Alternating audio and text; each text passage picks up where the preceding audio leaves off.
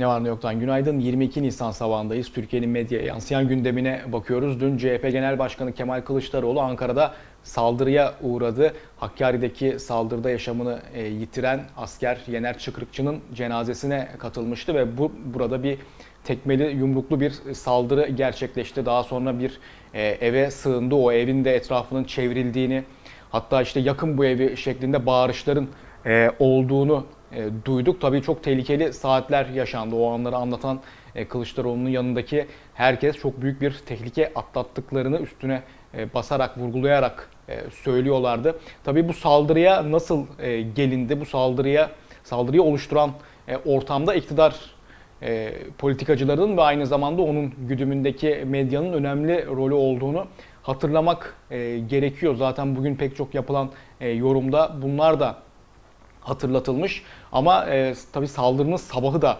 önemli çünkü Devlet Bahçeli biraz e, son günlerde yani kendi çalıyor, kendi oynuyor gibi bir hal var. E, Bahçeli sabah saatlerinde MHP toplantısında e, e, Kılıçdaroğlu'nu yeniden hedef göstermişti. Hatta işte PKK'yı PKK'yı destekliyor e, ifadelerini kullanmıştı ki iktidar medyasında da atılan manşetler hep bu e, yönde. Son dönemde seçim sürecinde tabii daha fazla e, yansıyan e, bir şekilde. Saldırı sonrası Bahçeli bir daha konuştu. E, tüm bunlar olup biterken de Tayyip Erdoğan, Cumhurbaşkanı Tayyip Erdoğan'dan ki kendisi her zaman kameralar önünde olmayı ve konuşmayı çok sever. Hiç ses e, çıkmadı. Tabii enteresan e, saatler yaşadık. Dün ardarda arda gelen olayları e, üst üste koyunca biraz e, mesele daha da e, garipleşiyor. Şimdi okuyacağımız e, manşetlerde de bunları size yansıtmaya çalışacağız. Evrensel nefret söylemi saldırıya dönüştü.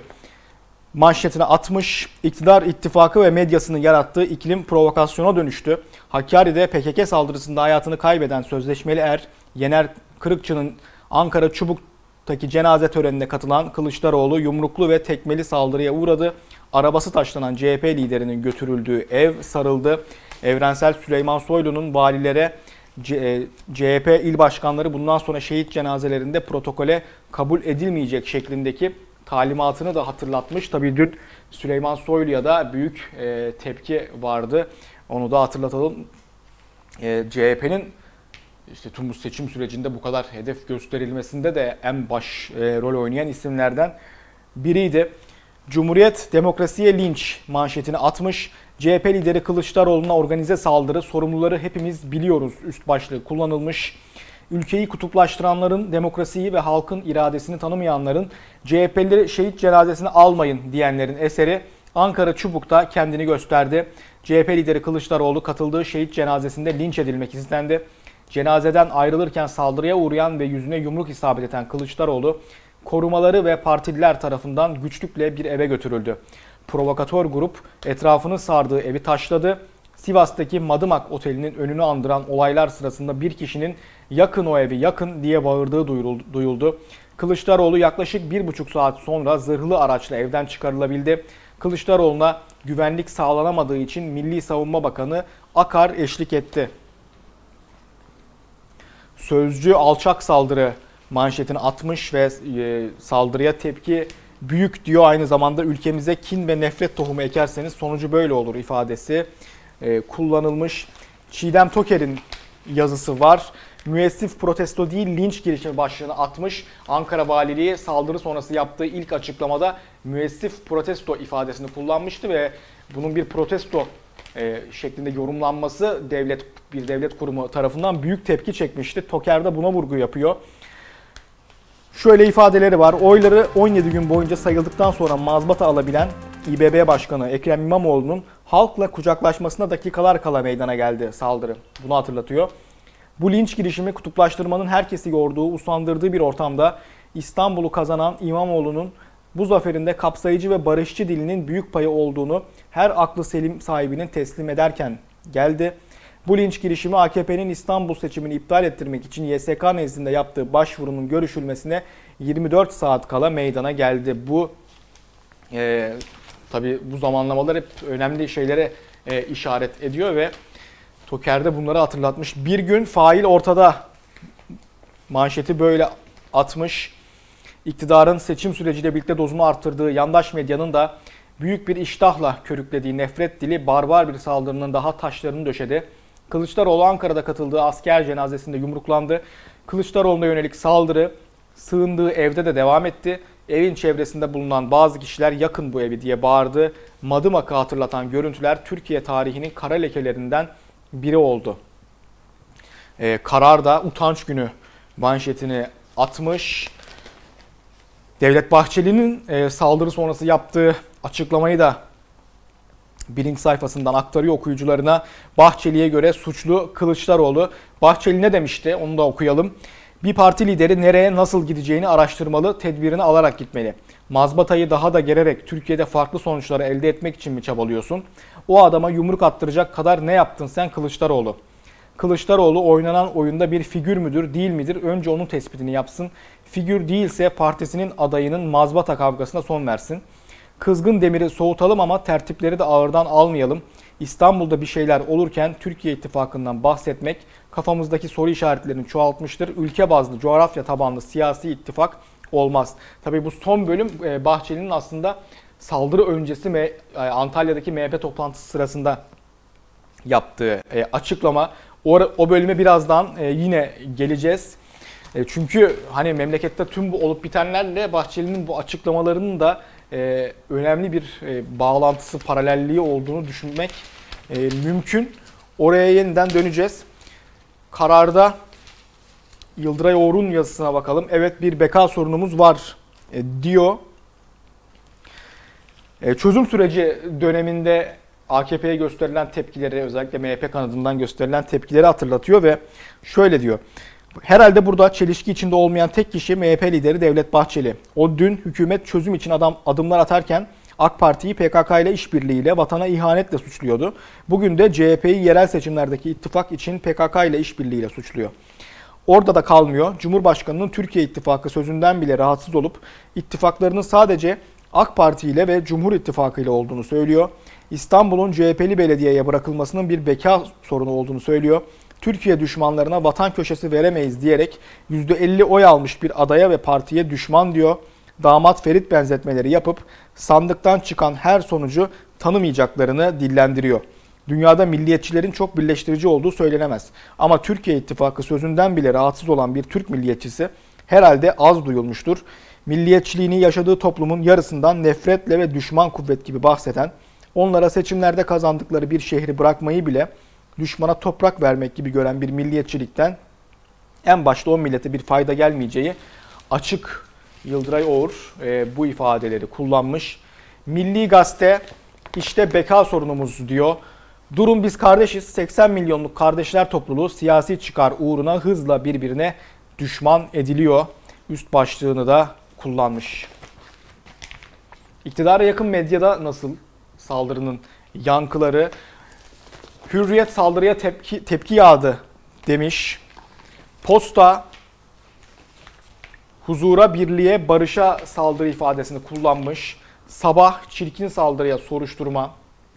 Yeni Şafak e, Kılıçdaroğlu'na saldırı, provokasyona dikkat demiş. Star'da da şehit cenazesinde Kılıçdaroğlu'na saldırı ifadesi kullanılmış. Tabi iktidara yakın medya hep bu sürece kadar gelinen dönemde yaptığı yayınlarla Kemal Kılıçdaroğlu'nun sürekli hedef göstermesiyle, CHP'yi sürekli hedef göstermesiyle büyük tepki çekiyordu.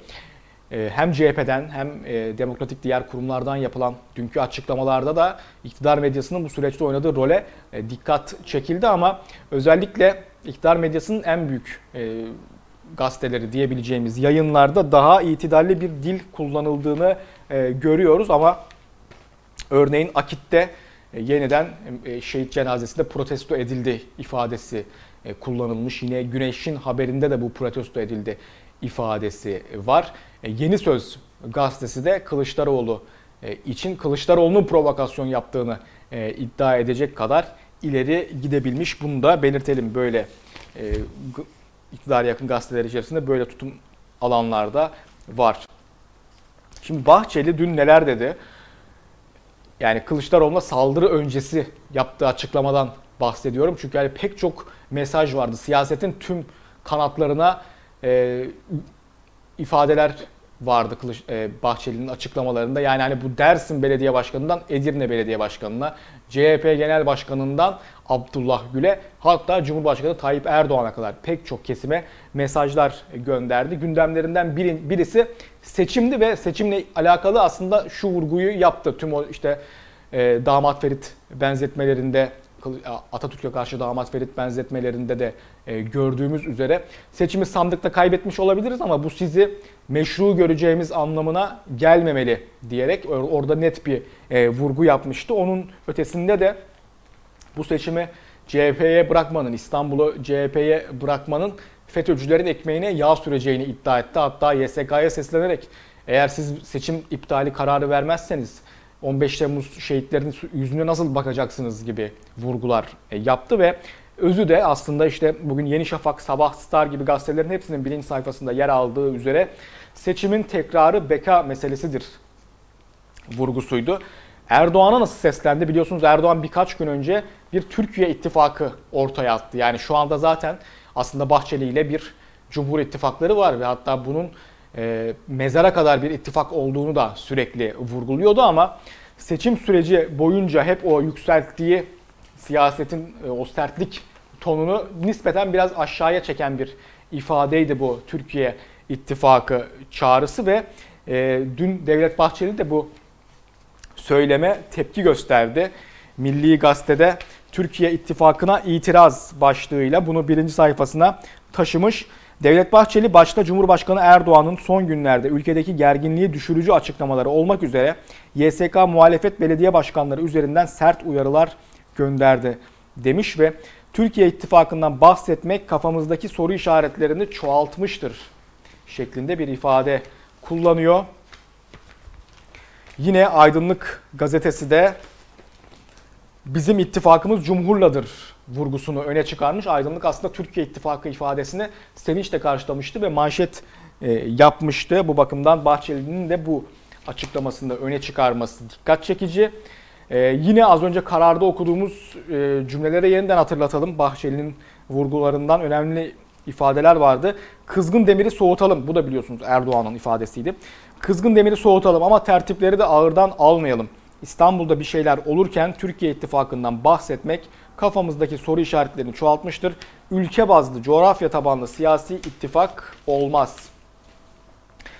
Tüm bu e, göndermeler, daha sonra yaşanan saldırılar, tüm bunlar olurken Erdoğan'ın hiçbir açıklama e, yapmamış olması tabii e, bize bazı şeyler düşündürüyor. Aynı zamanda Devlet Bahçeli'nin, MHP'nin Türkiye tarihindeki rolünü de düşündüğümüzde bunların hepsi önemli. Şimdi iki tane yazı okuyacağım. Birisi, e, birisi Hürriyet'ten Abdülkadir Selvi'nin yazısı.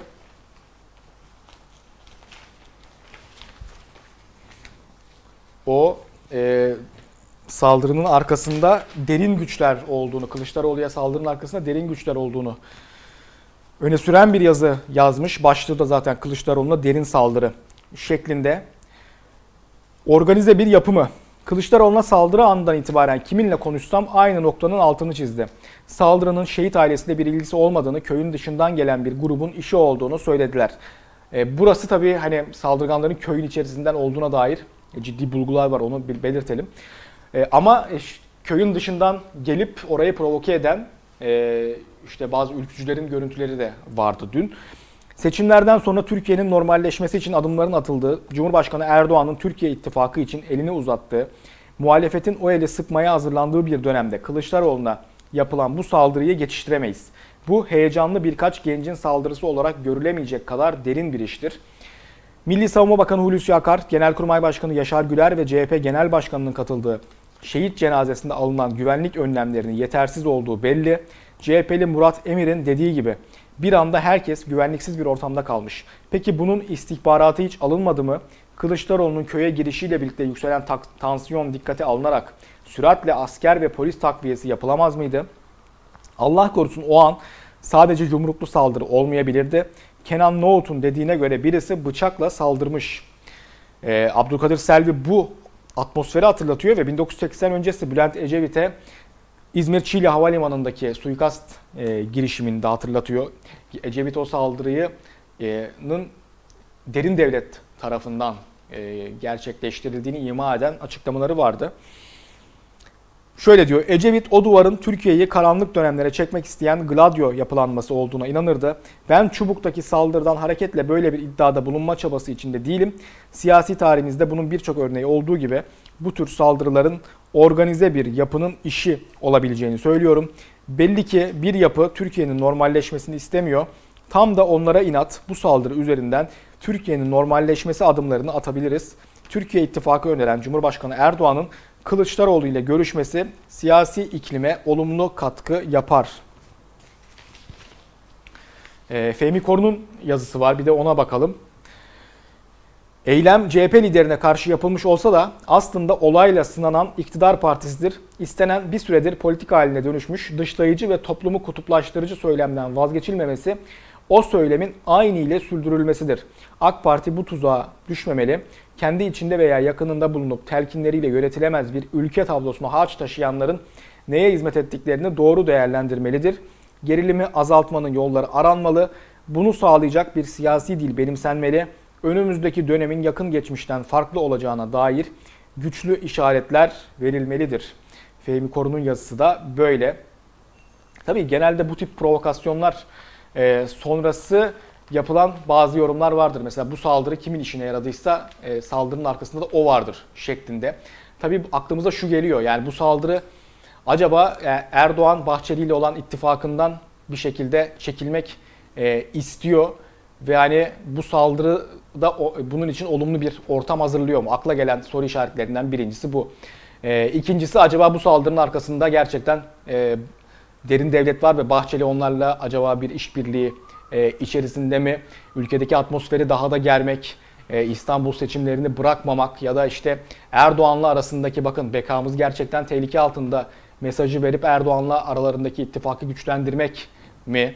Bu soruların hepsi e, akıllara geliyor ve hepsi de tartışılıyor. Bugün daha çok köşe yazılarında bu saldırıyı aslında e, saldırının arkasında Erdoğan Bahçeli e, ittifakının sürmesini isteyenlerin olduğuna dair yorumlar yapılmış ama daha farklı, daha meselenin daha derinine inen yorumlar da mutlaka yapılacaktır. Dün Ekrem İmamoğlu'nun mitingi vardı ve tüm bu gelişmeler aynı zamanda Ekrem İmamoğlu'nun mitinginin de önüne geçti. E, bu da çok açık. Dün Maltepe'de coşkulu bir e, kalabalık vardı. Cumhuriyet İmamoğlu gelecek güzel günleri hep birlikte karşılayalım istedim demiş ve yeni nesil siyaset başlığını atmış. Karar toplum yeni nesil siyaset istiyor ifadesini kullanmış. Evrenselde şeffaf bir belediyecilik yapacağım cümlesi öne çıkarılmış. Bir gün Maltepe'de e, büyük coşku başlığını atmış o da e, birinci sayfasında ve Uğur Şahin izlenimleri var. Halkın yüzünde heyecan ve neşe. Yeni yaşam yeni bir başlangıç diyor. Hürriyette de kalplerinizi kazanmayı yeğlerim e, vurgusu öne çıkartılmış. Şimdi tabii Rusya'dan alınacak S-400'ler ve bunun Amerika ile yarattığı e, gerilim aynı zamanda bu S-400'lerin aslında e, pratik olarak Türkiye tarafından hiçbir zaman kullanılamayacağı da az çok e, kamuoyunun geneli tarafından anlaşılmış e, durumda. Bunun üzerinde tabii e, çeşitli yorumlar var. Hürriyet'te İpek Özbek, Ekonomi ve Dış Politikalar Araştırma Merkezi Başkanı Sinan Ülgen'le konuşmuş. S-400'de kriz nasıl aşılabilir? Sinan Ülgen, ABD ve NATO ile yaşanan S-400 sıkıntısını aşma formüllerini anlattı. Ülgen'e göre Türkiye S-400 sisteminin Hindistan, Suudi Arabistan gibi NATO üyesi olmayan üçüncü bir ülkeye gönderilmesini gündeme getirebilir ya da bu iş için ayrılmış bütçeyle Rusya'dan stratejik olmayan bir silah sistemi alabilir. Yani Türkiye 2,5 milyar doları artık vermek zorunda e, Rusya'ya. İşin o kısmı e, var ama bu silahı madem kullanamayacak o zaman S-400'ün yerine 2,5 milyar dolarlık başka silahlar alalım e, noktasına gelmiş durumdayız biraz da. Sözcü'de Deniz Zeyrek'in yazısı var. Ona bakalım.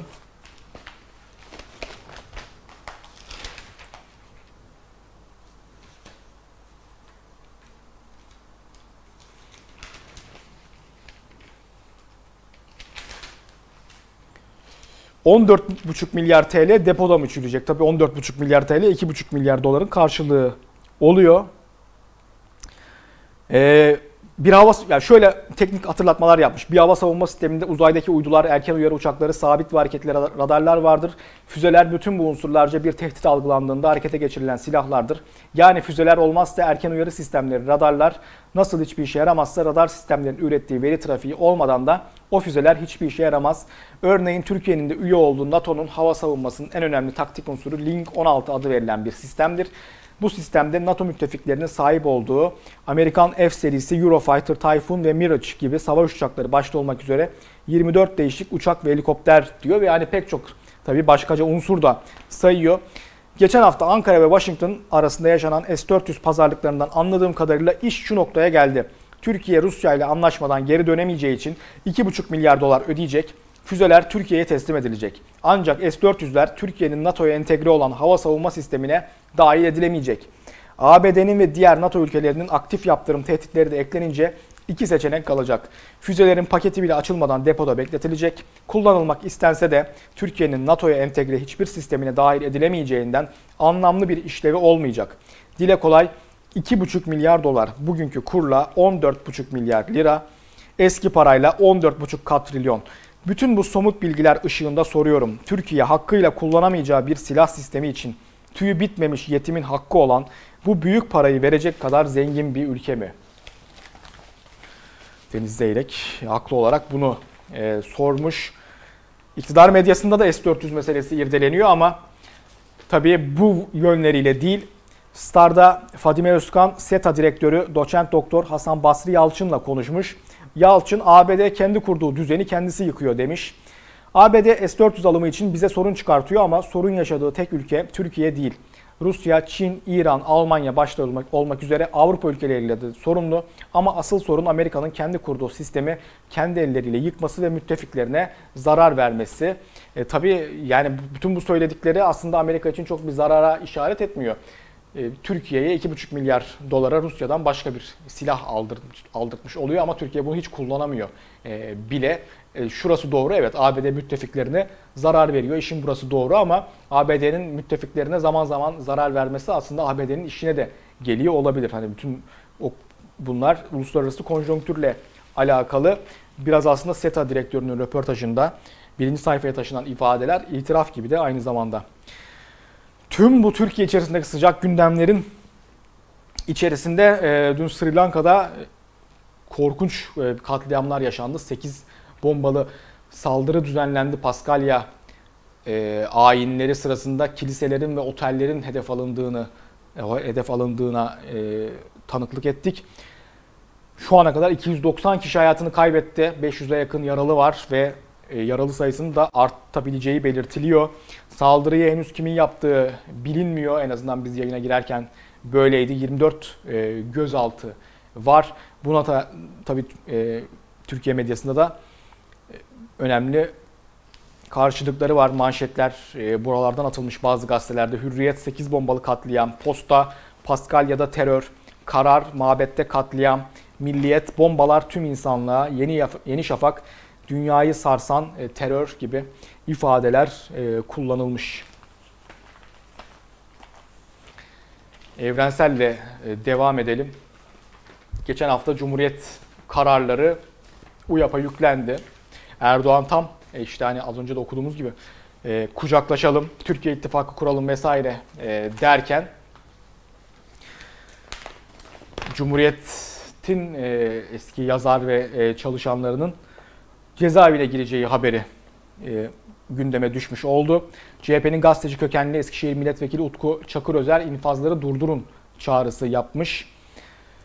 Aynı zamanda e, Güray Öz de Evrensel'e konuşuyor ve özgürlük düşünmekle ilgili bir şeydir ve düşündüğüm müddetçe özgürlüğüm bana aittir. Şimdi gider yatar çıkarız yine yazmaya çizmeye devam ederiz diyor. Evrensel'le devam edelim. E, Kolombiya'daki e, barış süreciyle alakalı önemli bir haber var. Kolombiya'da barış yok, dönüşüm var. Bir insan hakları heyetiyle Kolombiya'ya giden Jesus de la Rosa görüşme ve izlenimlerini evrensel için yazdı. Yönetim tüm dünyayı Kolombiya'da barış sağlandığına inandırmış olsa da gerçeğin böyle olmadığına tanık olduk. Paramiliterler bölgelerin sermaye lehine temizlenmesi kirli işinden sorumlular. 1 Mayıs gündemiyle devam edelim. Kıdem tazminatının gaspına karşı 1 Mayıs'a Evrensel'in sür manşeti. 1 Mayıs'a günler kala Bakan Berat Albayrak'ın açıkladığı reform paketinde yer alan kıdem tazminatının fona devrine fona devrine işçilerin tepkisi büyüyor. İzmir, Denizli ve Adana'da gazetemizde konuşan işçiler kıdem tazminatının gaspına ve zorunlu BES'e karşı alanlarda olacağız dedi. Yine Evrensel'de Murat Özveri'nin bir yazısı var. Geçtiğimiz hafta bir başka e, vicdanları sarsan gelişme Soma davasında Can Gürkan'ın serbest kalmasıydı. Murat Özveri yazısında Gürkan'ın nasıl bu kadar çabuk e, serbest kalabildiğine ilişkin aslında kapitalizme içkin çok basit bir e, noktayla yanıt veriyor. Yazının başlığı Soma'da sistemi mahkum etmemek için az ceza verildi. Birinci sayfaya aktarılan ifadelerde şöyle. Soma davasında istinaf mahkemesi sözüm ona göstermelik önlemleri almış olmasından hareketle işverene verilebilecek en az cezayı vermiştir. İşveren alabileceği en az cezayı aldı. Çünkü gereken cezayı alması o işvereni var eden sistemin mahkum olması anlamına gelir. İşveren ağır bir ceza alsa azmettirici ortaya çıkacak. Bir adım sonra insanlar azmettiricinin de yargılanmasını isteyecekti. Murat Özveri'nin yazısı böyle. Son olarak Türkiye'nin e, aslında siyasi ve ideolojik gündemini takip edebileceğiniz e, magazin gazetelerinden biri olarak da öne çıkan Sabah Günaydın'ın o meşhur röportajlarını yapan Tuba Kalçın bugünkü konuğu e, Demet Akalın. O da aslında Türkiye'de nasıl makbul e, şarkıcı olunur, sanatçı olunurun e, karşılığı olan bir röportaj vermiş. Röportajın üst başlığı şöyle, devamı ondan tamamen alakasız bir şekilde devam ediyor ve hani onun nedeni de aslında açık. Haciz geldi sustu, eşiyle boşanıp birleşti, konuşmadı. Demet Akalın her şeyi ilk kez günaydın'a anlattı. Böyle başlıyorsunuz aşağıda yeniden magazinel unsurlar bekliyorsunuz ama ben milliyetçi kadınım başlık. Demet Akalın vatan millet sevgisiyle dolu olduğunu söyleyip ekledi. Yurt dışına gidince bile bir haftadan fazla dayanamıyorum. Ne yurt dışında ev alırım ne de başka ülkenin vatandaşı olurum. Ben milliyetçi kadınım. Devletimin, polisimin hep arkasındayım. Ara başlıklarda ben asker kızıyım ve çocuğumu inançlı yetiştiriyorum e, vurguları var. Bir de tabii yan tarafa da Dışişleri Bakanı e, Mevlüt Çavuşoğlu'nun Ermeni soykırımı üzerinden Fransızlara e, verdiği yanıt e, var. Demet Akalın aslında yani bu ülkede makbul sanatçı nasıl olunur? E, Cumhurbaşkanlığından ödüller nasıl alınır? Belediyelerin, AKP'li belediyelerin e, konserlerinde nasıl çıkılır? Tüm bu ortamda nasıl ekmek yemeye e, devam edilebilirin? Örneklerini magazin e, diliyle vermiş ama bütün e, haberi oluşturan bütün unsurların ne kadar siyasi olduğu da malumunuz. Ne yoktan bugünlük bu kadar. Yarın yeniden aynı saatte görüşmek üzere. Hoşçakalın.